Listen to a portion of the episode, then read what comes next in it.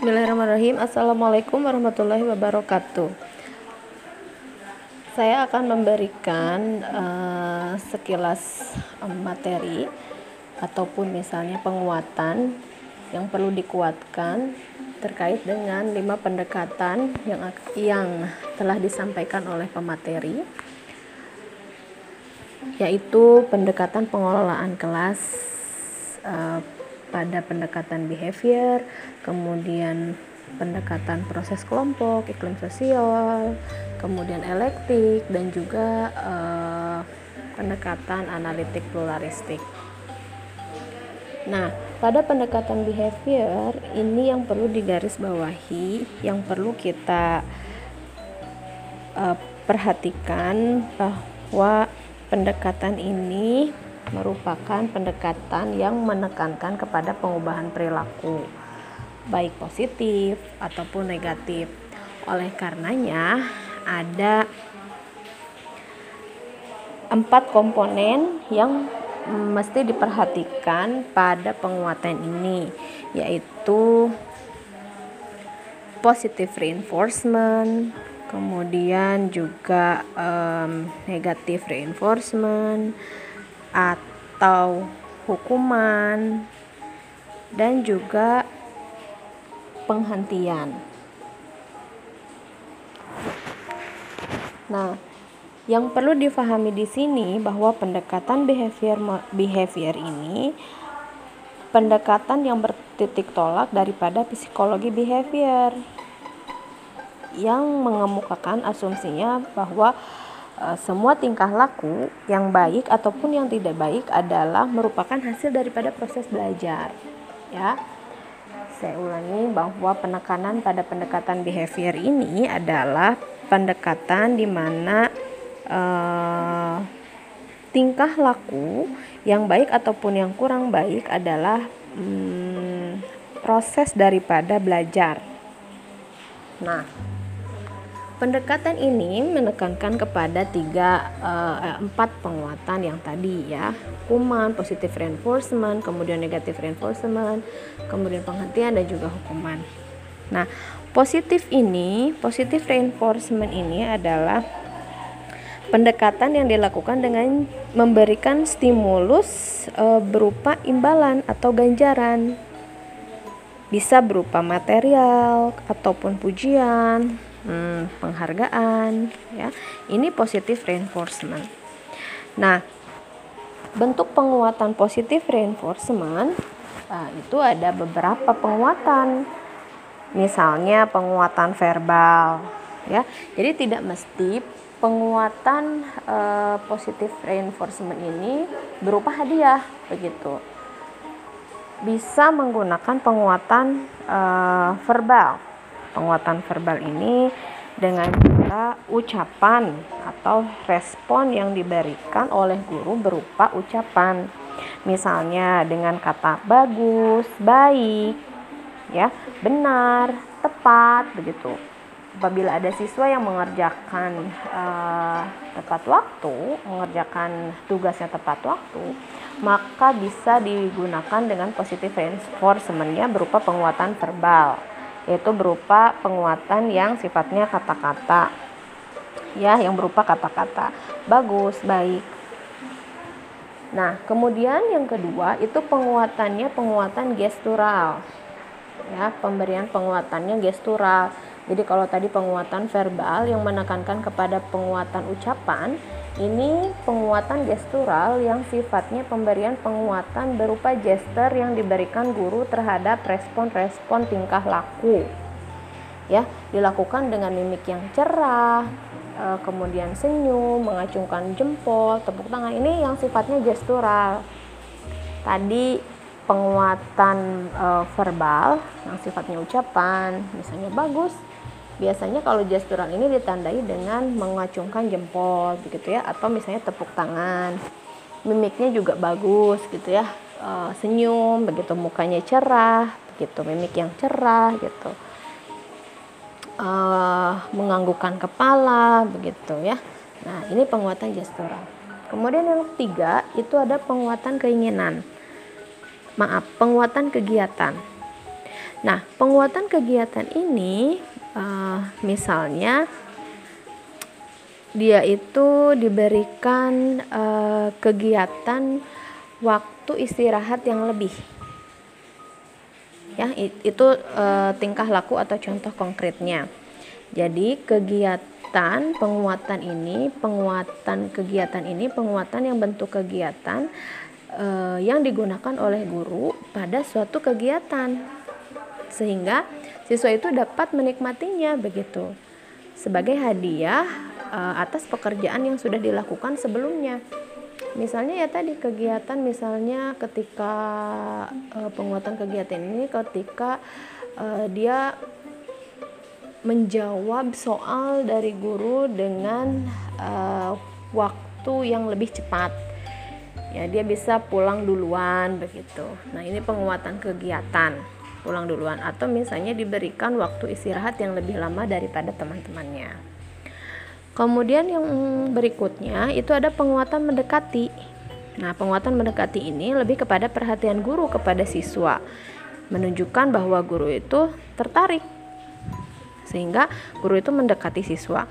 Misalnya ketika e, kegiatan kelompok, guru itu mendekati siswa yang e, mendekati kelompok yang memiliki antusias tinggi gitu yang proaktif. Nah, ini penguatan mendekati.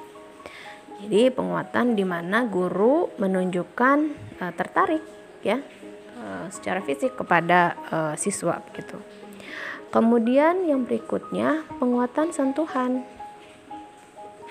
Nah, Penguatan sentuhan ini merupakan penguatan yang terjadi apabila guru secara fisik menyentuh siswa. Nah, tanpa disadari sebetulnya ketika kita e, memegang kepala siswa, e, ya, memegang kepala siswa atau misalnya mengusap kepalanya. Nah, ini merupakan salah satu contoh konkret daripada penguatan sentuhan. Nah, jadi penguatan-penguatan itu e, tidak ada macamnya ya tidak hanya memberikan hadiah tapi juga ada penguatan positif uh, yang sudah tadi saya sampaikan dari penguatan verbal, kemudian penguatan gestural, penguat, penguatan kegiatan, penguatan mendekati, dan juga yang terakhir penguatan sentuhan. Nah, kemudian yang berikutnya uh, negative reinforcement.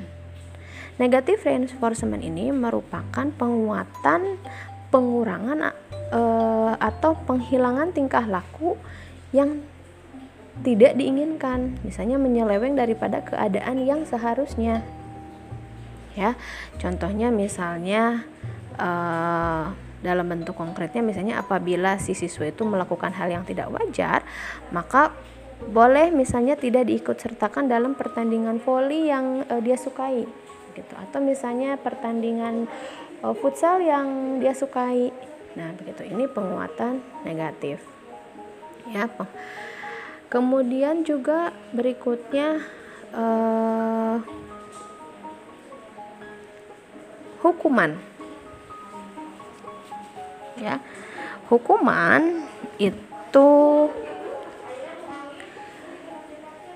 sebisa mungkin gitu ya, sedapat mungkin hindari pemberian hukuman.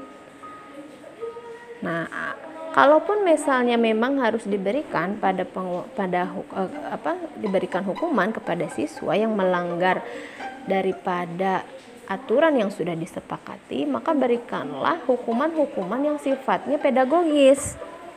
Misalnya ketika teman-temannya beristirahat, uh, si anak mengerjakan soal matematika atau mengerjakan uh, soal bahasa Indonesia begitu atau misalnya ketika apa istirahat si anak harus membersihkan ruang kelas atau ruang kan, ruang kantor yang dirasa kotor begitu. Nah, ini hukuman-hukuman yang sifatnya pedagogis. Banyak yang e, contoh konkret yang lainnya gitu. Nah, kemudian yang kedua itu pendekatan sosio e, e, sosio emosional.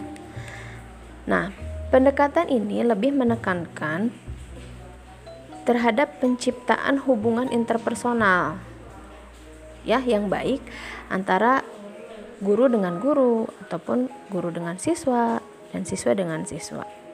Ini, jadi pendekatan ini penekanan terhadap uh, hubungan interpersonal, interpersonal, human relation gitu.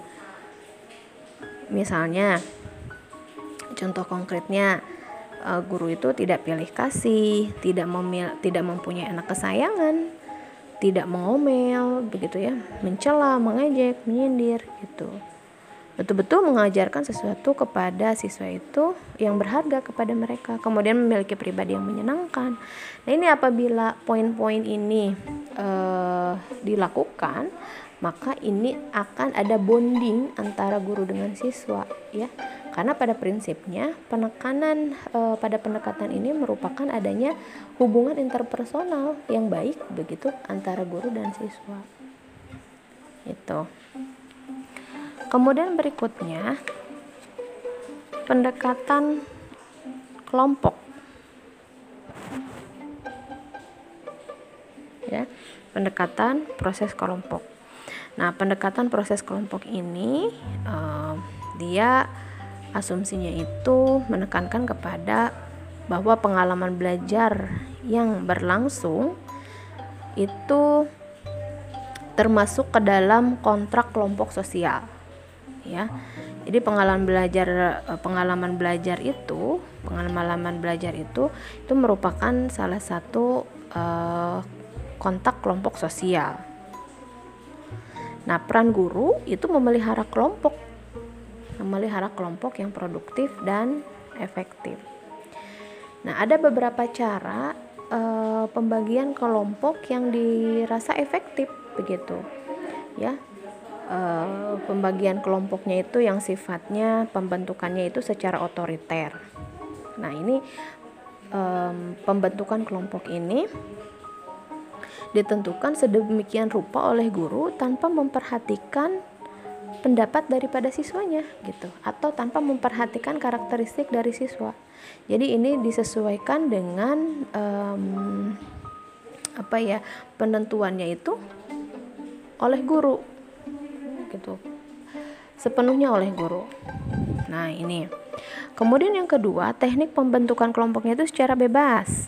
Nah jadi pembentukan kelompoknya itu diserahkan kepada siswa dan guru tidak ikut campur. Nah ini ada kekurangannya nih. Jadi boleh jadi siswa itu memilih berdasarkan hanya keinginannya saja tanpa memperhatikan karakteristik-karakteristik teman-temannya yang lain begitu. Nah kemudian yang berikutnya itu teknik pembentukan secara terpimpin. Nah, ini merupakan gabungan daripada pembentukan kelompok dari dua yang tadi gitu. Kalau yang tadi otoriter berbasis bagaimana guru, kemudian yang bebas itu berbasis bagaimana siswa. Nah, ini gabungan pembentukan secara terpimpin. Jadi memang e, dipimpin oleh guru tapi memperhatikan karakteristik-karakteristik siswa. begitu memperhatikan pendapat atau keinginan siswa jadi guru itu ikut campur uh, tang ikut campur tangan begitu ya secara aktif dalam proses pembentukan kelompok itu. Jadi guru dan siswa ikut campur tangan secara aktif dalam pembentukan proses kelompok itu. Nah itu. Kemudian yang berikutnya itu ada pendekatan uh, analitik pluralistik. Nah, dari pendekatannya itu kan kita sudah tahu, sudah jelas plural ya. Jadi pendekatan di mana boleh memilih satu pendekatan, uh, boleh memilih dua atau lebih pendekatan, tidak satu, begitu. Kan dari pluralnya juga sudah kelihatan, jadi lebih daripada satu, gitu. Boleh dua, boleh tiga, gitu. Boleh uh, dalam mengelola kelas. Jadi guru boleh menentukan pendekatan yang mana saja yang bisa diimplementasikan apabila ditemukannya hal-hal yang tidak wajar dalam proses e, pembelajaran, khususnya dalam pengelolaan kelas. Begitu analitik, pluralistik. Kemudian yang terakhir pendekatan elektik. Nah, pendekatan elektik ini kan minggu lalu itu kan Anda sudah menggambarkan seperti apa peran guru, seperti apa kelebihan dan kekurangannya. Nah, elektik ini boleh mengambil uh, beberapa poin pentingnya saja dari setiap pendekatan Nah, ini pengambilan. Kalau tadi kan pendekatan itu diambil secara keseluruhan ya. Kalau analitik pluralistik itu diambil secara keseluruhan. Pendekatan misalnya pendekatan otoriter, pendekatan permisif, ada beberapa pendekatan yang diambil kemudian diimplementasikan berikut aktivitas-aktivitasnya, peran gurunya, kemudian peran siswanya. Nah, kalau yang ini, kalau yang ini, kalau yang elektik ini dia hanya mengambil salah satu saja gitu dari setiap pendekatan. Nah, itu saja uh, penambahan atau penguatan daripada saya melalui platform podcast saya menekankan untuk uh, pengumpulan tugasnya agar tepat waktu begitu. Uh, itu bisa dikumpulkan nanti di Google Classroom ya.